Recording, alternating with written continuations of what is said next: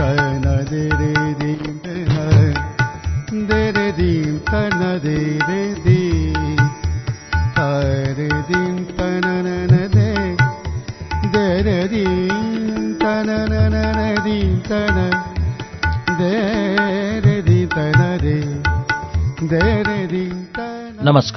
उज्यालो ninety network मार्फत देशभरिका विभिन्न एफएम स्टेशनहरूबाट एकैसाथ प्रसारण भइरहेको कार्यक्रम श्रुति सम्वेकमा प्राविधिक साथी दिनेश नेरोलासँगै म अच्युत घिमिरे बुलबुलको स्वागत छ।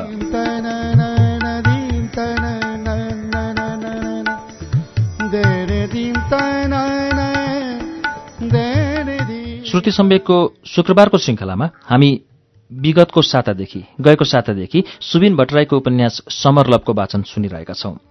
आज यसको दोस्रो श्रृङ्खला लिएर आइपुगेका छौं। अब हामी आजको श्रुति सम्वेकमा समरलभको वाचन सुरु गर्दैछौं पृष्ठ पच्चिसबाट।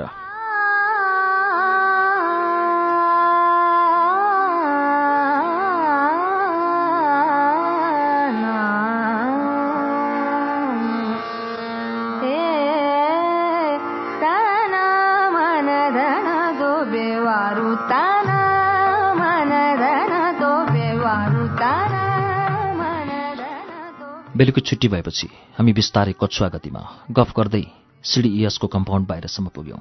त्यहाँ पुगेपछि साय टक्क अडिए र बल्कु निस्कने देब्रेतर्फको जङ्गलको बाटोबाट आंशिक मोडी। उसको साथसाथै हामी सबैजना अडियौं। सायाले एकपल्ट हामीतिर हेर्दै भने ल बाई सबैलाई म यतैबाट लाग्छु। प्रतीक्षाले भने ल ल बाई। त्यसपछि उसले हामीतिर हेर्दै सोधी तिमीहरूको बसाइ कहाँ? किरण बोल्न खोज्दै थियो। मैले उसलाई बोल्नै नदिएर हतार हतार भनिहालेँ मेरो बानेश्वर। उसो भए त सायासँगै गए भइहाल्यो नि। चाहेकै कुरा प्रतीक्षाले भनिदिँदा खुसीको सीमै रहेन। नजिकै उभिएकी सायाले भने हो र उसो भए जाउँ न त सँगै। मलाई के चाहियो र? खुसीले बुरुकै उफ्रनु जस्तो भइरहेको थियो मन। सबैलाई उनीहरूको नाउँले बोलाएर बाई भने र अन्तिममा प्रतीक्षालाई बाई भन्ने बेला उसित अलिक इत्रिन मन लाग्यो।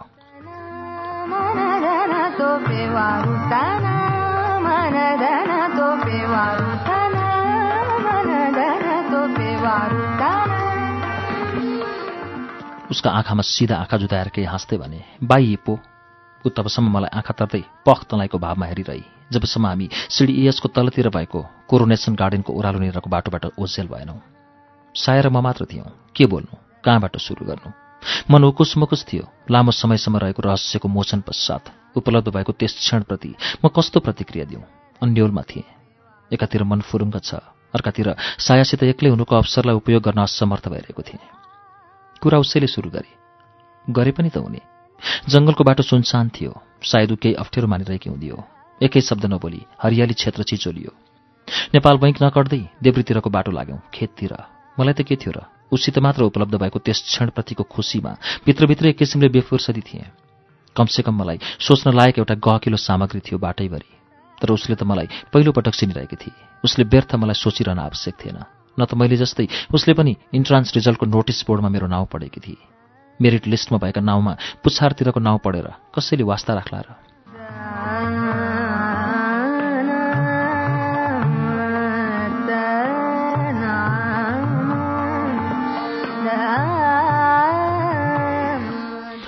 जङ्गलको बाटो निकै लामो समयमा नबोलेकोले बोल्नुपर्ने आवश्यकता उसैले महसुस गरे। हिँड्दाखेरि बोल्ने चलन छैन? उसका कुराले म एकैचोटि झस्केँ उसले भने कति तिमीलाई गाइनोफोबिया त छैन? गाइनोफोबिया? स्त्रीको सान्निध्यबाट हुने डर ऊ हाँसी मलाई पनि हाँसो लाग्यो। मैले ठट्टा गर्दै भने सायद यो समस्या ममा हुन सक्छ उसले त सिरियसली पो लिएछे भनी के तिमीलाई मसित डर लागेकै हो त? जिस्किँदै मैले भने सुनसान जङ्गलको बाटोमा केटीसँग एक्लै हिँड्दा कुन केटा मान्छेलाई डर नलागोस्? यति हदसम्म बढेर उसित जिस्किन साहस मलाई कहाँबाट आयो थाहा भएन। साया मेरो कुरा सुनेर मरिमरि हाँस्न थालिए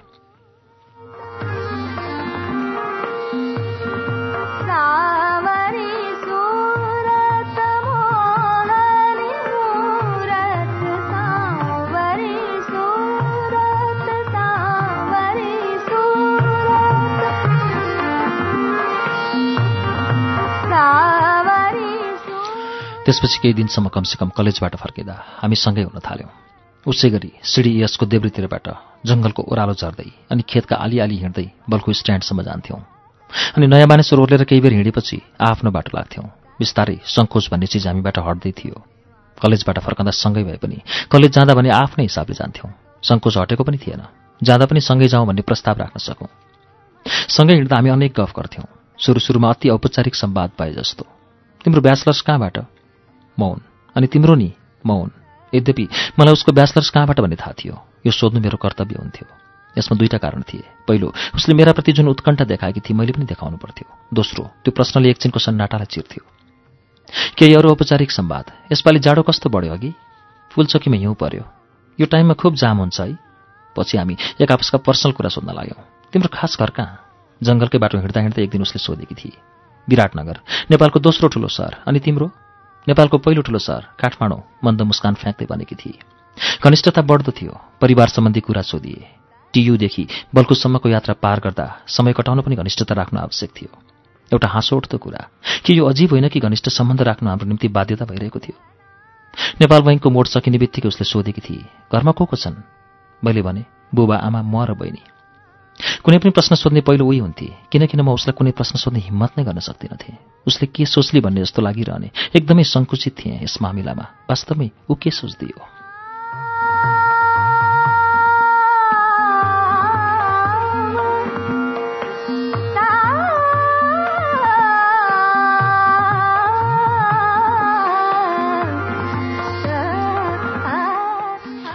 तर उसको प्रश्नको उत्तर दिइसकेपछि भने त्यही प्रश्न जसलाई नसोधिरहन मनले पटक्कै मान्दैन थियो। सोधिहाले अनि तिम्रोमा नि बाबा मम्मी भाइ र म? हम दो हमारे दो रहेछ नि हाम्रोमा जस्तै। म केही जिस्किदिएँ फेरि दुवै हाँस्यौँ। परिवारमा को को छन् मात्र होइन। हामी दुवैको परिवारका प्रत्येक सदस्यको पुरै बायोग्राफी हामीलाई थाहा भइसकेको थियो। एक दिन बानेश्वर ओर्लेर चोकबाट भित्रै छिरिसकेपछि करिब करिब तरकारी बजारतिर पुगिसक्दा मैले मोबाइल नम्बर माग्ने हिम्मत गरेँ। उसले कुनै प्रश्न प्रतिवाद केही नगरी आफ्नो नम्बर दिए र उसकोमा मिस कल दिन भने त्यसपछि उसले पनि आफ्नो सेटमा मेरो नम्बर सेभ गरे। भोलिपल्ट उसको फोन आयो सोधी कहाँ छौ? चोक पुग्नै लागे। मैले भने छिटो आऊ म कुर्दैछु। त्यस दिनदेखि हामी फर्कँदा मात्र होइन। कलेज जाँदा पनि सँगसँगै हुन थाल्यौँ। केही नियम बने जस्तो नयाँ बानेश्वर चोकमा जो पहिले पुग्छ उसैले फोन गर्ने। जाँदा उसले भाडा तिर्ने अनि फर्कँदा मैले। जाँदा फर्कँदा दुवै समय अफिस टाइम परेकाले बसमा धेरै उभिन्थ्यौँ। कहिलेकाहीँ कुनै एउटा सिट खाली भइहाल्यो भने म उसैलाई अफर गर्थेँ। ऊ केही नभने खुद्रोको सिटमा बस्थे र सायद म उभिएको पनि देख्न सक्दिनथे मिलेसम्म ऊ आफू बसिरहेको सिटमा अलिकति ठाउँ मेरा निम्ति पनि निकालिदिन्थे हामी अट्टाइ नअट्टाइ एउटै सिटमा बस्थ्यौँ खाँदिएर त्यो सब देख्दा साइडमा कोही बसिरहेको छ भने उसलाई अलिकति सर्न दबाव पर्थ्यो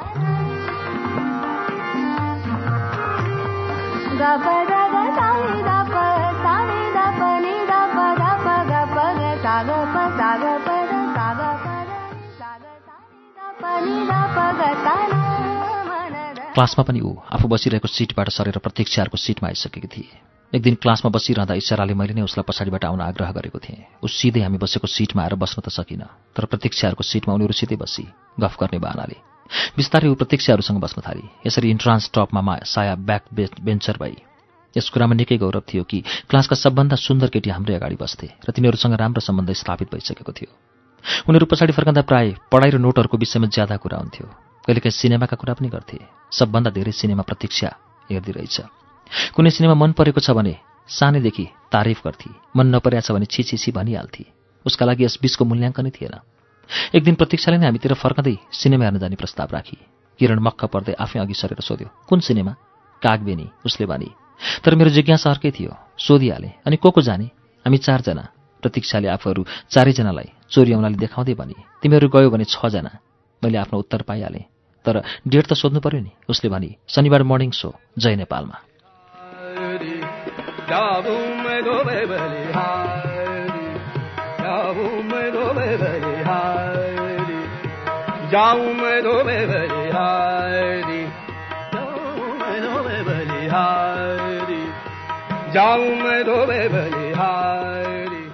शनिबार हामी दुईजना केटा चारजना केटीसित डेट गइरहेका थियौँ। अलिक अप्ठ्यारै थियो परिस्थिति। तर केही नहुनुभन्दा यो पनि धेरै ठिक थियो।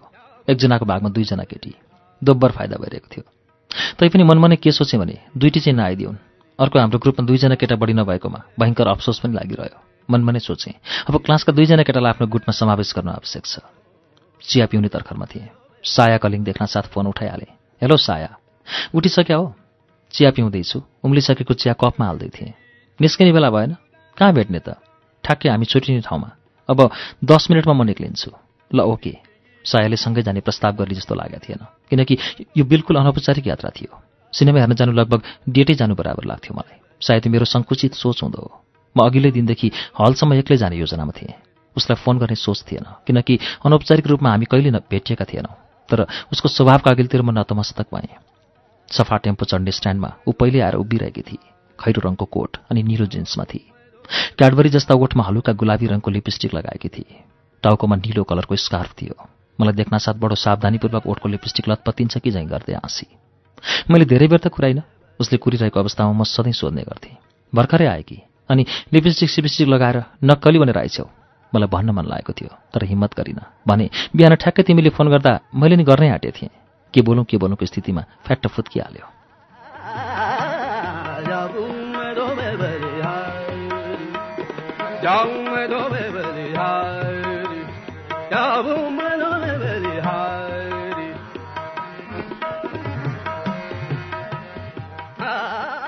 प्रतिक्रियामा ऊ मौन रही। पुतली सडक हुँदै जाने नेपाल यातायात कुर्नुभन्दा बरु नजिकै लागिरहेको सफा टेम्पो चढेर न्यू प्लाजासम्म गयौँ। उसको शरीरबाट जासिमिन फ्लेभरको लेडिज पर्फ्युम बास्न आइरहेको थियो। बिहान बिहानै मुड फ्रेस भयो। जाडो निकै थियो। काम लाग्न पाएको थिएन। डम्म हुस्सु थियो। म घरिघरि अगाडि र घरिघरि साइडबाट सायालाई हेरिरहेको थिएँ। उसले दुवै हात कोटको गोजीमा हालेकी थिए। मुखबाट बाफ उडिरहेको थियो। मलाई चुरोटको असाध्य तलतल लाग्यो। तर सायाको अगाडि कसरी चुरोट खानु? फेरि तत्कालै मनले तर्कना गर्यो आखिर ढाँटेर लुकी लुकी कतिन्जेल चल्छ र? कमसेकम दुई तिन वर्ष उसित सङ्गत हुँदैछ। आखिर कुनै दिन थाहा पाउँदै पनि हो। त्योभन्दा सत्य कुरा आजै जान्नु उपयुक्त होला। साया सुरुमा नाउले बोलाएँ मात्रै हँ? उसले भने तिमी अप्ठ्यारो मान्दैनौ भने के म धुमपान गरौँ? सोधेँ हिम्मत गरेर। पक्कै पनि उसले भने सोध्नै पर्दैन थियो। नजिकै पसलमा गई चुरोट किनेर सल्काएँ। त्यतिन्जेल ऊ मलाई कुरेर बसिरही। धुवा तानिसकेर फाल्दै गर्दा उसलाई भने लेडिजहरू अलिक असहज मान्छन् भनेर तिमीलाई सोधेको। आजकल लेडिजहरू पनि खान्छन् मिस्टर। मिस्टर भन्ने शब्द उच्चारण गर्दा उसले अलिक लेग्रो तानेर भनेकी थिए। केही हेपे जस्तो केही गाली गरे जस्तो। त्यो लवज हामीले नियमित बोल्ने सम्वादका लयभन्दा भिन्न कायदाको थियो। म अनौठो मानेर उसलाई हेरिरहेको थिएँ। त्यसो भए तिमी पनि होइन होइन। उसले मेरो कुरा राम्ररी सकिन नपाउँदै भने म चुरोट खान्न। घरमा बाबा खुब खानुहुन्छ। उहाँको कोठा कुनै दिन छिर्नु। पुरै कोठामा चुरोटको मात्र गन्ध पाउँछौ।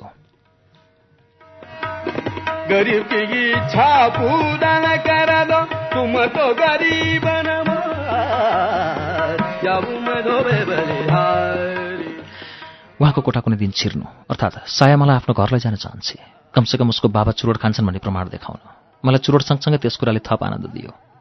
जैनेपाल हलमा हामी पुग्दा किरण प्रतीक्षा र अनु आइसकेका थिए। गेटमा उभिएरै हाम्रो बाटो हेरिरहेका रहेछन्। अनि दिव्या खोइ त?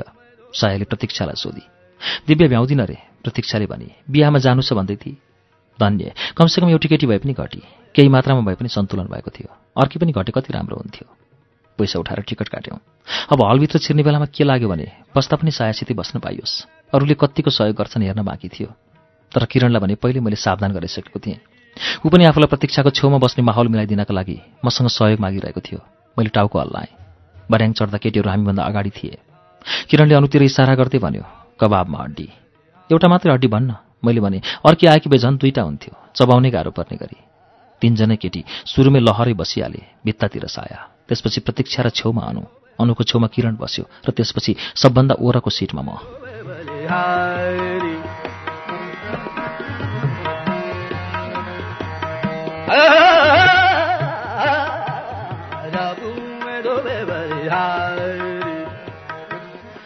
सोचेभन्दा धेरै नै भिन्न भइदियो हाम्रो योजना।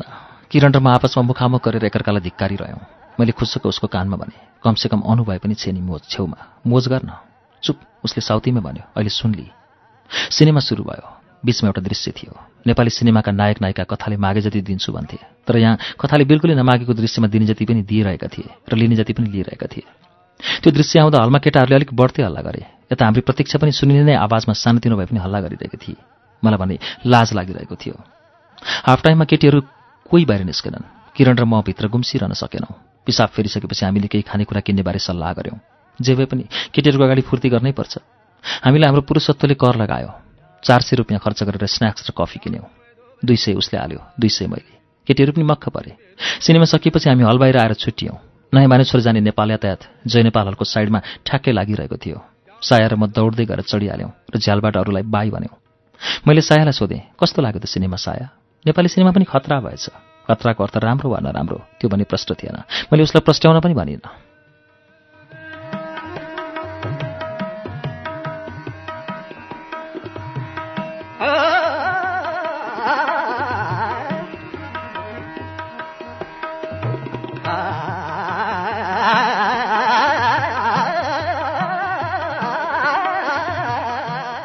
साया र म कलेजसम्मका सहयात्री मात्र थिएनौँ।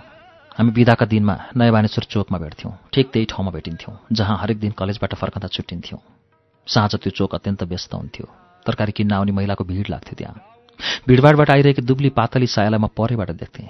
ऊ आफ्ना ओठ अलिकति तन्काउँथे। बुत्तुकै हुन्थेँ म र नर्भस हाँसो हाँस्थेँ खोइ यत्तिको घनिष्ठता हुँदाहुँदै पनि म उसको अघिल्तिर नर्भस नै हुन्थेँ। सोच्थेँ के यी सब उसले चाल पाइरहेकी छ? उसलाई पानीपुरी खुब मन पर्थ्यो माछा बेच्ने चोकको भिडभाड छिचोल्दै केही पर छक्कु बक्कुको मन्दिर अगाडि पानीपुरी बेच्ने भैयाहरू भए ठाउँ गएर हामी पानीपुरी खान्थ्यौँ। भैयाहरूलाई घेरेर बसेका युवतीहरूको भिडभाडमा केटा मान्छे म मात्र हुन्थेँ। पानीपुरी खाइसकेपछि हामी मिन भवनतिर लाग्थ्यौँ। गफ गर्दै गर्दै नेपाल कमर्स क्याम्पससम्म हिँड्थ्यौँ त्यहाँ केटाहरू बास्केटबल वा क्रिकेट खेलिरहेका हुन्थे। हामी एकछिन त्यहाँ बस्थ्यौँ अनि साँझ झमक्क हुन लागेपछि घर फर्कन्थ्यौँ। फागुन लाग्ने लाग्ने बेला थियो। जाडो एकरति पनि कम भएको। मौसम विभागको रिपोर्ट थियो। तर जति जाडो भए पनि उसको सामिप्यतामा मलाई न्यानोभित्र गुटमुटिएको आवाज हुन्थ्यो अलौकिक ताप ऊर्जा मेरा कोष कोशिकामा सञ्चार भइरहन्थ्यो। मलाई उतिर फर्केर तिमीलाई पनि त्यस्तै हुन्छ भनेर सोध्न मन लाग्थ्यो। सायाले आफ्ना दुवै हात ज्याकेटको खल्तीमा हालेकी हुन्थे। एक दिन उसलाई सोधेको थिएँ जाडो छ अघि साया? क्याडबरी ओठ खोलेर भने एकदम। म एकपल्ट फिस्सा हाँसेँ। आखिर मैले ऊबाट यो त आशा राखेको थिइनँ कि? उसले मैले मनमा नै सोचेको कुरा भनोस्। म आफै त खोल्न सकिनँ। ऊ झन् के खोलिदियो? कमसेकम यो मामिलामा।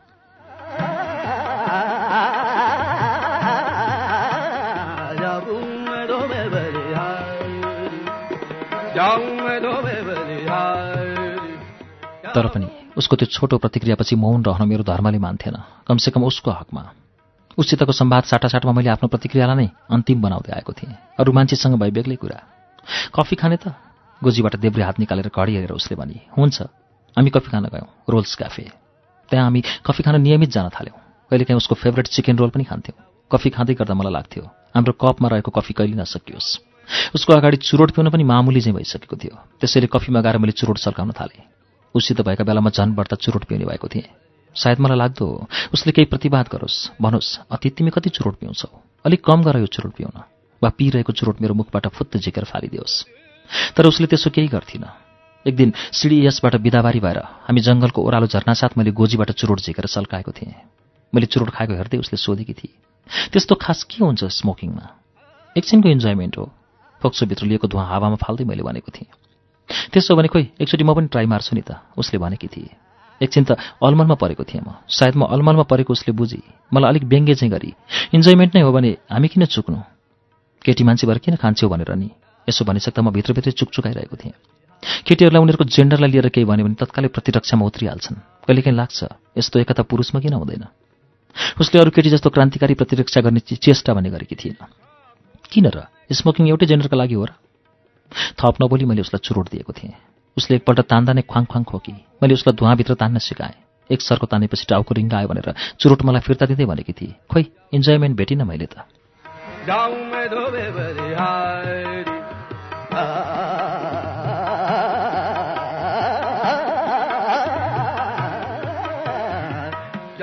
सुरुमा इन्जोयमेन्ट कहाँ भेटिन्छ? मैले भनेको थिएँ बानी पर्नुपर्छ नि। भो पर्नु पर्या छैन। उसले कति मिठो आवाजमा भनेकी थिए मिठो गीतको मुखलाई सुने जस्तै लाग्यो। एकपल्ट दोहोऱ्याउन भन्नु मन लागेको थियो। त्यसपछि उसले मसँग कहिले चुरोट मागिन। मैले खाएकोमा पनि गुनासो गरिनँ। तर मलाई प्रतीक्षा थियो। उसले मेरो ओठमा च्यापिएको चुरोट झिकेर फालिदियोस् र मलाई आँखा तर्दै भनोस् बन्द गर अबदेखि स्मोकिङ मेरो लागि।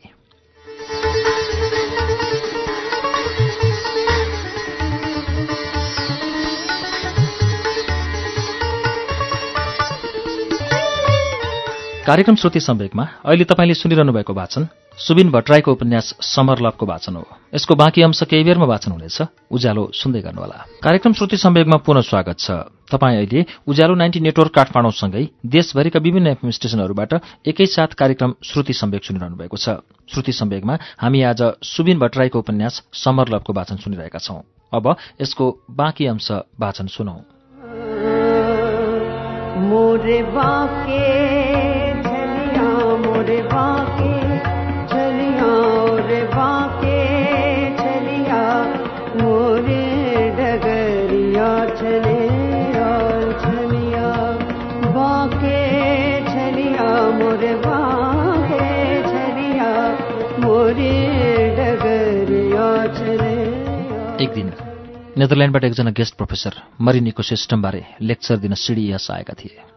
क्लासमा सबभन्दा हल्ला गर्ने अवसर भनेको यस्तै बाहिरका मान्छे आएको बेला हुन्थ्यो।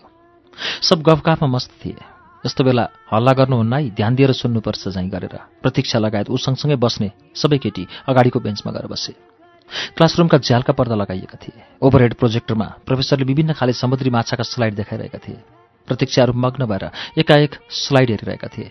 यता मलाई के गरौँ के गरौँ भइरहेको थियो। फेरि त्यो दिन किरण पनि आएको थिएन। म एक्लै थिएँ। मोबाइल झिकेर सायालाई एक मिस कल दिएँ। रमाकान्त यादवको क्लास हुँदो हो त मोबाइलको रिङ क्लासैभरि सुनिँदो हो। मैले गरेको फोनको रिङ कसैले सुनेन।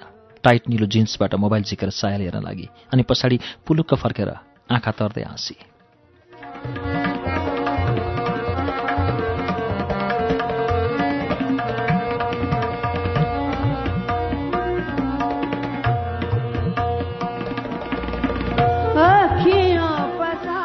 म पनि एकछिन आफ्नै धुनमा व्यस्त भएँ। क्लासरुमका सबै साथीहरू एक एकलाई निहाल्न लागे। सब मग्न थिए। लेक्चर सुन्न होइन गफ गर्न। बिचरो प्रोफेसर कसैलाई हल्ला नगर्नु पनि भन्न सकिरहेको थिएन। एक किसिमले टिठ लाग्दो थियो बुढोको हालत। एकछिनपछि मेरो गोजीमा भएको मोबाइल घुइँ गऱ्यो। मिसकल रहेछ सायाको। अगाडितिरको बेन्चमा आँखा डोराएँ। साया मलाई हेरेर मुसुक हाँसिरहेकी थिए खुच्चिङ शैलीमा। त्यसपछि त के थियो? आलो पालो मिसकल आदान प्रदान भइरह्यो। झुक्क्याएर कुनै कुनै मिसकल उठाइदिइहाल्थे। मैले पनि उसका केही मिसकल उठाइदिएँ। त्यसपछिका मिसकल सकेसम्म एकदमै छोटो हुन लागे। उसको मोबाइलमा मेरो मिसकल आउँदा ऊ पुलुक पछाडि फर्किन्थे। अनुहारमा मधुरो हाँसो सोरेर। उसको मिसकल आउँदा म पनि घिच्लो तन्काई तन्काई ऊ भएतिर हेरेर हाँस्ने प्रयास गर्थेँ। उसकै देखासिकी गरेर।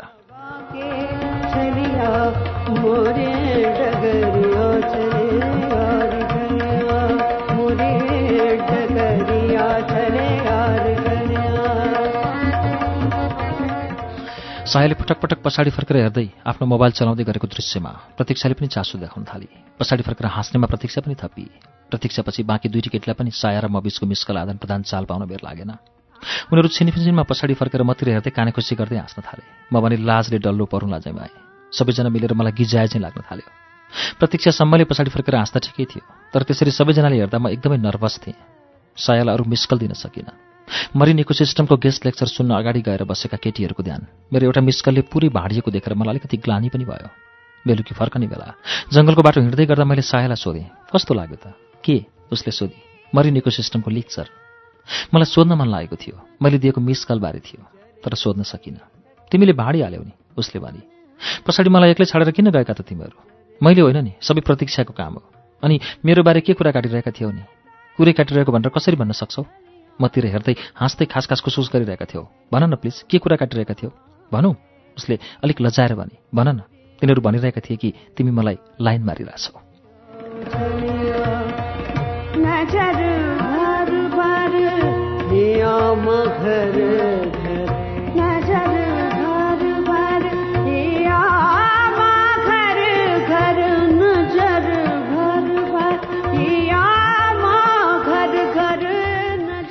मलाई हाँस्न मन लाग्यो। एकछिन त रोमाञ्चित भएँ जिउ तनक्क तन्काउन मन लाग्यो। हतारमा अर्को प्रश्न गरेँ अनि के भन्यौ त होइन भने नि। किन? उसले एकपल्ट मलाई पुलुकै हेरी अनि भनी अनि के हो भन्नु त? हो भने हुन्थ्यो नि त। ऊ एकछिन अलमल्ल परेर मलाई आँखा तरेर हेर्न लागि अनि साबिकभन्दा अलिक ठुलो स्वर पारेर भने ए मिस्टर कतै तिमी मलाई लाइन त मारिरहेको छैनौ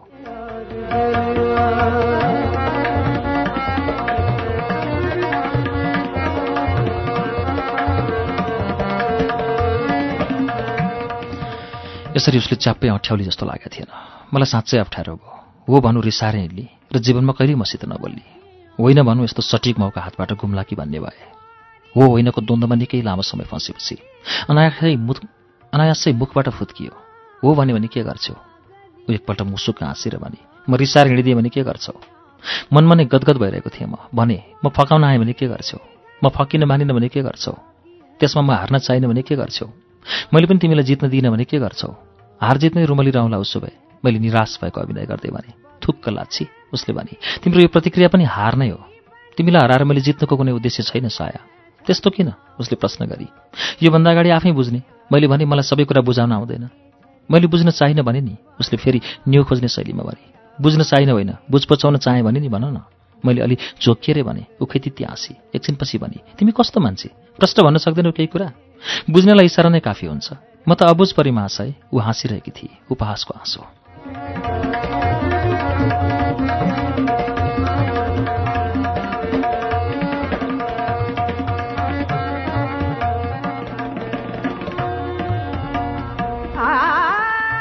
एकपल्ट त उसलाई भूत ल्याउनु जस्तो रिस उठिसकेको थियो तर चुप लागेर बसेँ। बोले ऊ त्यही कुरालाई खिल्ली उडाइदिन्थे। किन बोल्नु जस्तो लाग्यो? एकछिनसम्म त म नबोलेकोले उनी अघि सरी बोल्नलाई। किन बोल्न पनि छाड्यौ त। तिमीलाई खिल्ली उडाउने खुराक त किन दिनु भनेर नि? के तिमी मलाई चुरोड दिन खोजिरहेका थियौ? ऊ अझै जिस्किने नै मुडमा थिए। खिल्ली चुरोडको मात्र हुन्छ र? मैले फेरि झोकिएर भने नेपाली भाषा बुझ्दिनौ? खै आफू त नेवारकी छोरी परेँ? ऊ मलाई रिस उठाउन लागि परेकी थिए। म बुझिरहेको थिएँ। म नरिसाउनु पर्ने हो। तर खोइ म झन् रिसाइरहेको थिएँ। ऊ मेरो कुरा बुझेर पनि बुझपुचाइरहेकी थिए भन्ने मलाई थाहा थियो। केटीहरू दुईवटा केसमा यसरी कुरा चपाउने गर्छन्। कुनै कुराप्रति रुचि नभएको र केटाहरूलाई सताउन चाहेको बेला। तिमीसित बोल्नु नै बेकार छ। तिमी कति कमजोर मान्छे यार। उसले जिस्किने वा हाँस्ने जस्तो क्रियाकलापलाई कम गराउँदै भने जतिखेर पनि आत्मसमर्पण गर्न खोज्छौ आत्मसमर्पण गरेर समस्या कहाँ सुल्झिन्छ? झन् उल्झनमा पो परिन्छ। तिमीलाई कुनै तरिकाबाट मैले बुझाउन सकिनँ। अनि के गरौँ त? मुख आ गर्नेलाई नखुवाउन सकिन्छ? तिमी त ट्याप्प मुख थुनेर बसेकी छौ। हो त्यही त तिम्रो कमजोरी हो। त्यो मुख ट्याप्प बन्द गर्नेको मुख खोल्न सक्नु पर्यो नि?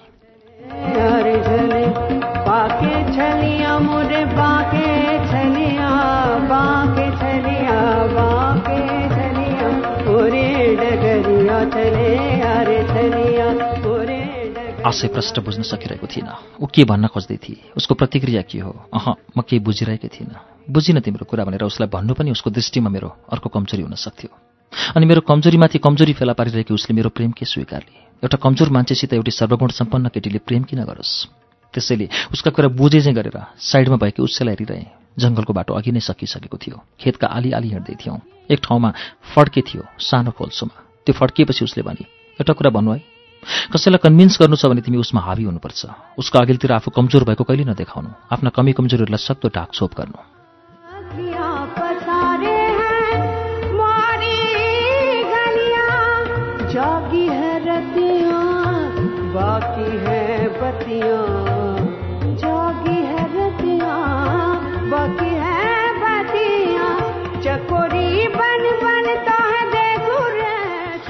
उसको लेक्चर मलाई मन परेन। यहाँ ऊ हावी हुन खोज्दै थिए मेरो अहमले त्यो सजिलै ग्रहण गर्ने सामर्थ्य कहाँ राख्थ्यो र? मैले पनि फाइनल कुरा गर्छु भनेर ठोटले सोधेँ। ल भयो तिम्रो फाइनल प्रतिक्रिया के हो? सेमी फाइनल के थियो र? तिमी अझै जिस्किरहेकी छौ? ल तिम्रो क्रिया के थियो र म प्रतिक्रिया दिउँ? प्रतिक्रिया दिनुपर्ने विषय त स्पष्ट जान्न पाऊँ? उसले टक्क अडिएर भने खेतको बाटो सकिएपछि उकालो सकिने बित्तिकै ठ्याक्कै बिजुलीको ठुलो टावर लिएर पुगेका थियौँ। एउटी आइमाई हामी हिँडेभन्दा विपरीत दिशाबाट आइरहेकी थिए त्यसैले म केही बोलिनँ। ऊ हाम्रो कुरा सुन्न सक्ने रेन्ज बाहिर पुगी भन्ने आवाज भइसकेपछि मैले अलिक हिम्मत गरेर भने म तिमीलाई प्रेम गर्छु साया। मेरो मुटुको डुकडुकी अनियन्त्रित भइसकेको थियो। घाम चरक्क लागेको थियो। भर्खरै काटेको उकालोको तपेडी कम थिएन। शरीरबाट पसिना निकाल्नलाई। झन् त्यहाँमाथिको टन्टलापुर घाम यो मानसिक स्थिति। यी तिनै कारण पसिना साबिकभन्दा दोब्बर निक्लिरहेको थियो।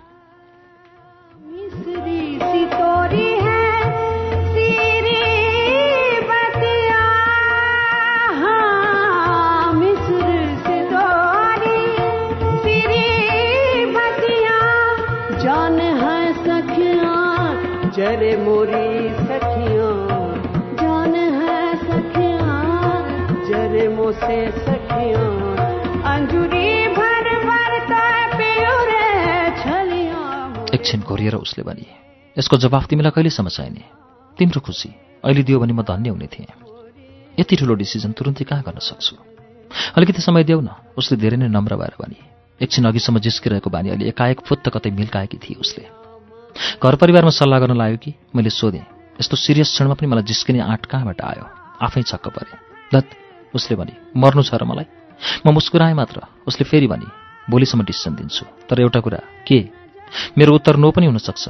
उसले भने यदि मैले नो भने पनि हाम्रो मित्रतामा त्यसले कुनै असर नगरोस्। म प्रयास गर्छु। मैले अलिक निन्याउरो मुक्लाउँदै भने तर भर्सक नो नहोस् है। लेट सी उसले भने बल्कु चोकमा नेपाल यातायात आइसकेको थियो। दुवैले सिट पायौँ। बसमा हामी मौन बसिरह्यौँ। छुट्टिने बेलामा भने मैले भोलि नो सुन्नु नपरोस् है साया। ऊ केही बोलिन। एकपल्ट मेरो आँखामा प्रष्टसित हेरी र घोसे मुन्टो लगाएर मुस्कुराउँदै लमक लमक आफ्नो बाटोतिर लागि। ऊ मेरो आँखाबाट ओजेल नउन्जेल म त्यहीँ उभिरहेँ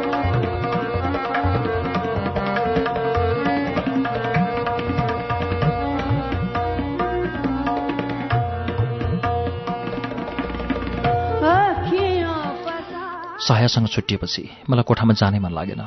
कहाँ जाउँ के गरौँको स्थितिमा नयाँ बानेश्वरतिर भड्किरहेँ। बिआइसिसी भवन नजिकैको पानी ट्याङ्की बाहिर। सडकमा उभिएर तीन कप चिया पिएँ। त्यतिखेरसम्म रात चमक्कै परिसकेको थियो। चिया स्टल अगाडिको पिपलको रुखको चौतारामा बसेर। अनेक थरीका मान्छे संविधान र संविधान सभाकै विषयमा केन्द्रित रहेर गफिरहेका थिए। अगाडिको पेटीमा ओहोरदोहोर गर्नेको कमी थिएन। अरू बेला यही ठाउँमा कति केटा भेटिन्थे। आज कोही भेटिरहेको थिएन। केटाहरूसँगै भएका बेला त्यहाँ ओहोरदोहोर गर्ने केटीहरू हेरेरै समय कट्थ्यो। तर त्यस दिन कोही केटी पनि हेर्न मन लागेको थिएन। ओहोरदोहोर गर्ने मान्छे अपरिचित छायाभन्दा बढ्दा केही लागेन। कोठातिर जानका लागि अझै पाइला अघि सर्न मानेनन्। एकछिन साइबर छिने मेल चेक गर्नभन्दा अर्थो केही गर्न मन लागेन। उफ यो अधैर्यलाई कहाँ मिल्काउँ? कसरी बिताउँ आफू अघिल्तिर लम्पसार बसेको यो सिङ्गो रात? मलाई प्रश्न थियो त्यो रात मेरो अनिदै बित्थ्यो त्यसैले कोठामा जानै मन लागेको।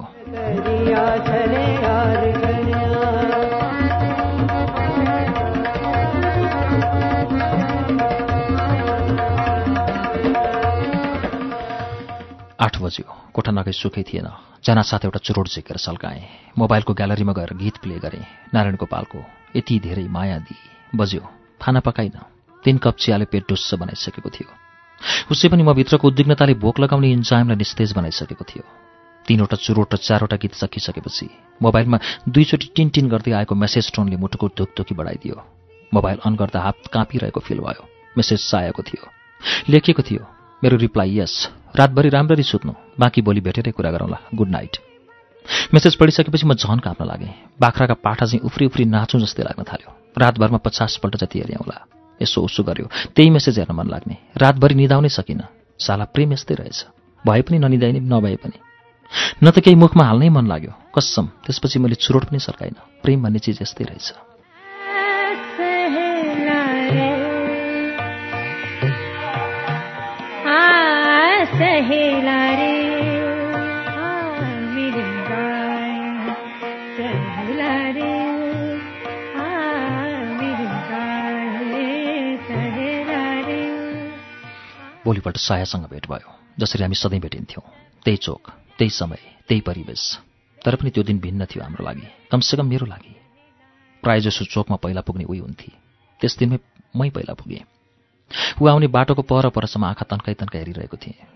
करिब दस मिनटपछि ऊ आई।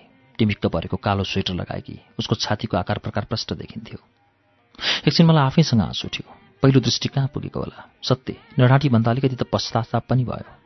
उसको हुलिया पनि त साबिकभन्दा अलिक भिन्न थियो त्यस दिन। सधैँ जिन्समै देखिने उसले त्यस दिन कटराइजको रातो पाइन्ट लगाएकी थिए।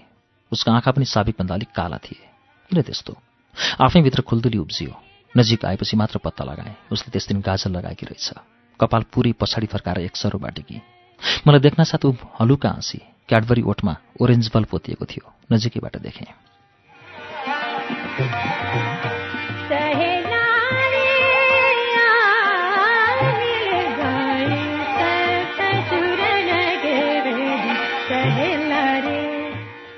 कहाँबाट सुरु गर्नु कुराको प्रसङ्ग?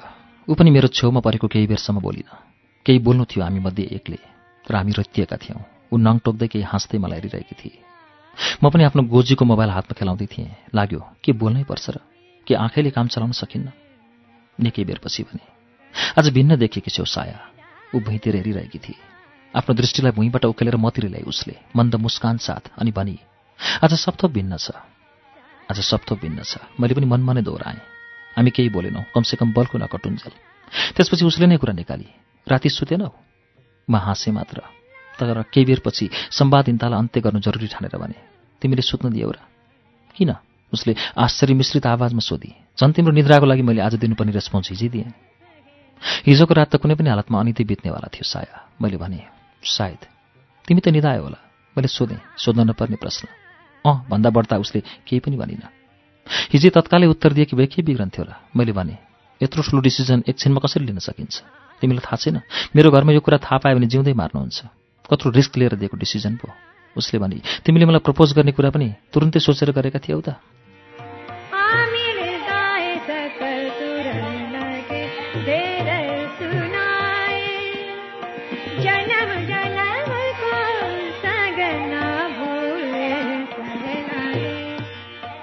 एउटा कुरा सोधौँ। सोध न उसले भने अनि कुन फ्याक्टरले तिमीलाई यस भन्न लगायो?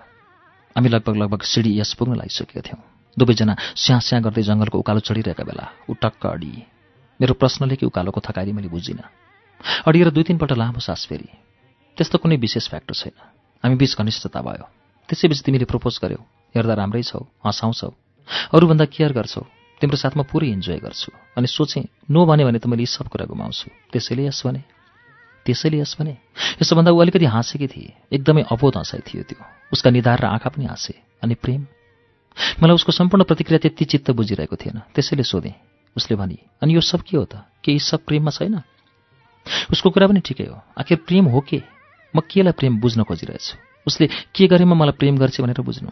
के एक आपसको साहचर्यको मिठासमा लिप्त हुनु प्रेम होइन? ऊ केही मलाई बुझ्छे म केही उसलाई? यो समझदारी पनि त प्रेमको कारक हो। म सायद हामी बिच नै रहेको प्रेमलाई अदृश्य दुनियाँमा खोज्ने दुष्प्रयास गरिरहेको थिएँ।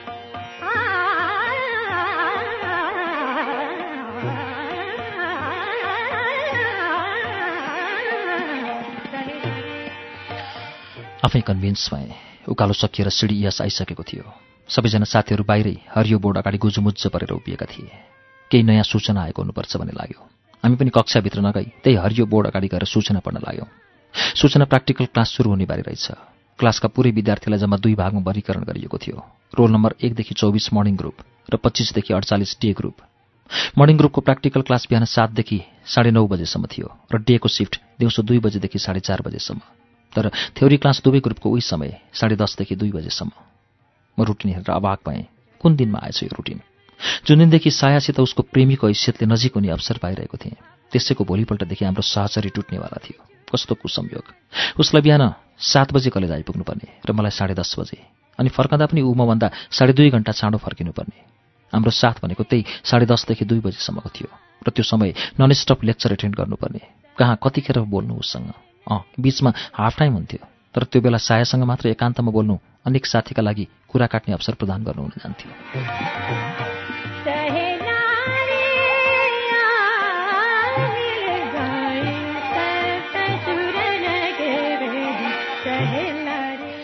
यसैले जुन दिनदेखि मैले सायालाई पाएँ त्यस दिनदेखि उसितको एकान्त गुमाएँ हाय नियति।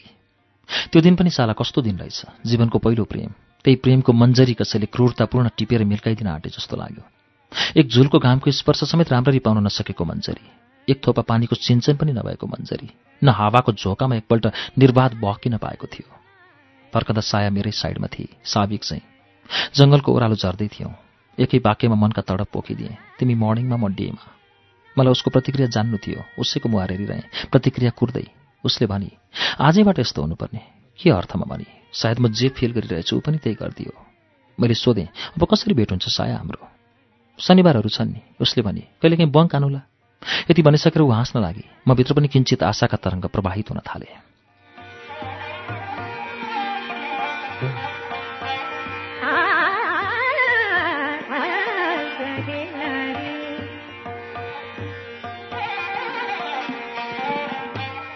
वास्तवमै उसले समस्याको राम्रो समाधान निकालेकी थिए। शनिबारहरू त मैले नै सोचेको थिएँ तर बङ्क? इन्ट्रान्स टपरलाई म कसरी क्लास बङ्क गर भन्नु भनौँ? मलाई उसितको त्यो साथ सोचेभन्दा पनि प्यारो लाग्यो। सोचिरहेँ मेरा प्रत्येक समस्या समाधान गरिदिन सक्ने सामर्थ्य राख्छे हो मेरो भावनालाई राम्ररी बुझ्छे। मैले एउटी पर्फेक्ट प्रेमिका पाएकी छु। म सुहाउँदी छे। जङ्गलकै बाटोमा थियौँ। नेपाल बैङ्क पुग्ने पुग्ने बेला मैले उसलाई चिया अफर गरेँ। उसले नाइ भनिन। बैङ्क नजिकैको चियाको दोकानमा पसेर चिया अर्डर गरेँ। चुरोट पनि नसलकै बस्न सकिनँ लाग्थ्यो। जबसम्म ऊ प्रतिवाद गर्दिनँ म व्यर्थ किन चुरोट नपिउँ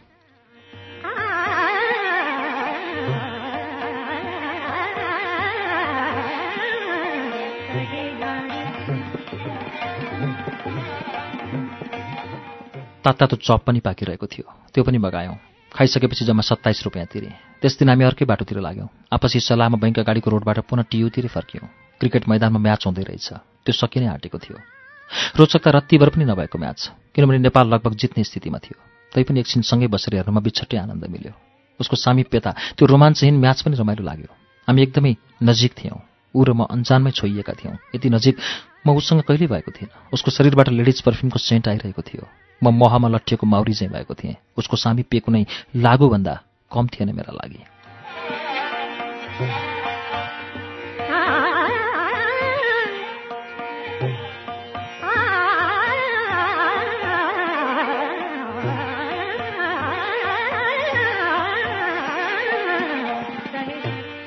म्याच सकिएपछि हामी टियु गेट हुँदै कुमारी क्लबको बाटोबाट बल्खु गयौँ। हामीलाई सक्दो समय साथ साथ बिताउनु थियो। लागिरहेथ्यो। हामी केवल यात्रा गर्न पाइरहौँ तर कुनै गन्तव्यमा नपुगौँ। हामीले यात्रा लम्ब्याउने दुष्प्रयास गरिरहेका थियौँ। बानेश्वरमा पनि निकै बेर हल्लिरह्यौँ। रोल्स क्याफेमा कफी खायौँ साँझ झमक्क परिसकेको थियो। त्यसैले उसलाई उसको घरै नजिक छाड्न गएँ। एउटा गल्ली आएपछि त्यहाँबाट उसले एक्लै जान्छु भन्न लागि मैले त्यहाँबाट उसलाई विदा गरेँ। गल्ली साह्रै साँगुरो थियो। ऊ केही पर पुगेपछि म फर्किएँ लुखुर लुखुर कति भिन्न हिजो र आजको समय। हिजो मरिगए बित्नै मानिरहेको थिएन। आज फड्को मारेर दगुरिरहेको थियो।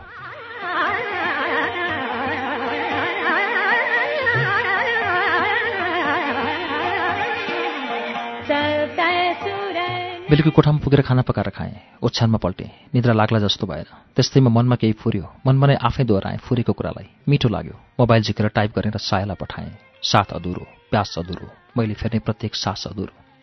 करिब आधा मिनटपछि उसको रिप्लाई आयो। कवितामै रिप्लाई गर्न आउँदैन। उसको एसएमएस पढेर म र टाइप गरेँ। जरुरी छैन। केही कुरा अधुरै राम्रा हुन्छन्। पुरा भयो भने चाहना नै कहाँ रहन्छ र? निकै बेरपछि रिप्लाई आयो। प्रतिक्रियामा के लेख्ने केही थाहा पाइन। सिलसिला भङ्ग गर्न पनि मन थिएन। निरन्तरताका लागि लेखेँ। त्यसो भए के? जीवनभर चाहना मात्र गरिराख्नु? उताबाट रिप्लाई आयो किस्ताबन्दीमा पुरा गरौँला नि त चाहनाहरू। निन्द्रा लागेको छैन? मैले विषयान्तर गर्न चाहेँ। भर्खर त साढे नौ भयो। भोलि त शनिबार हो नि। बेलुका चोकतिर भेटौँला। दिउँसो बेफुर्सदी अँ। चौध चौधबाट ब्यालेन्स सकिन आँटेको घोषणा आयो। अर्को एउटा मेसेज गर्नसम्म पुग्थ्यो। लेखेँ okay good night love you. उताबाट रिप्लाई आयो love you too. Good night.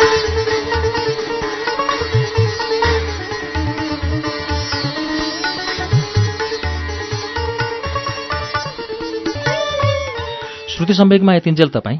Subin भट्टराईको उपन्यास समरलभको वाचन सुन्दै हुनुहुन्थ्यो। यो वाचनसँगै आजलाई श्रुति सम्वेकको समय सकिएको छ।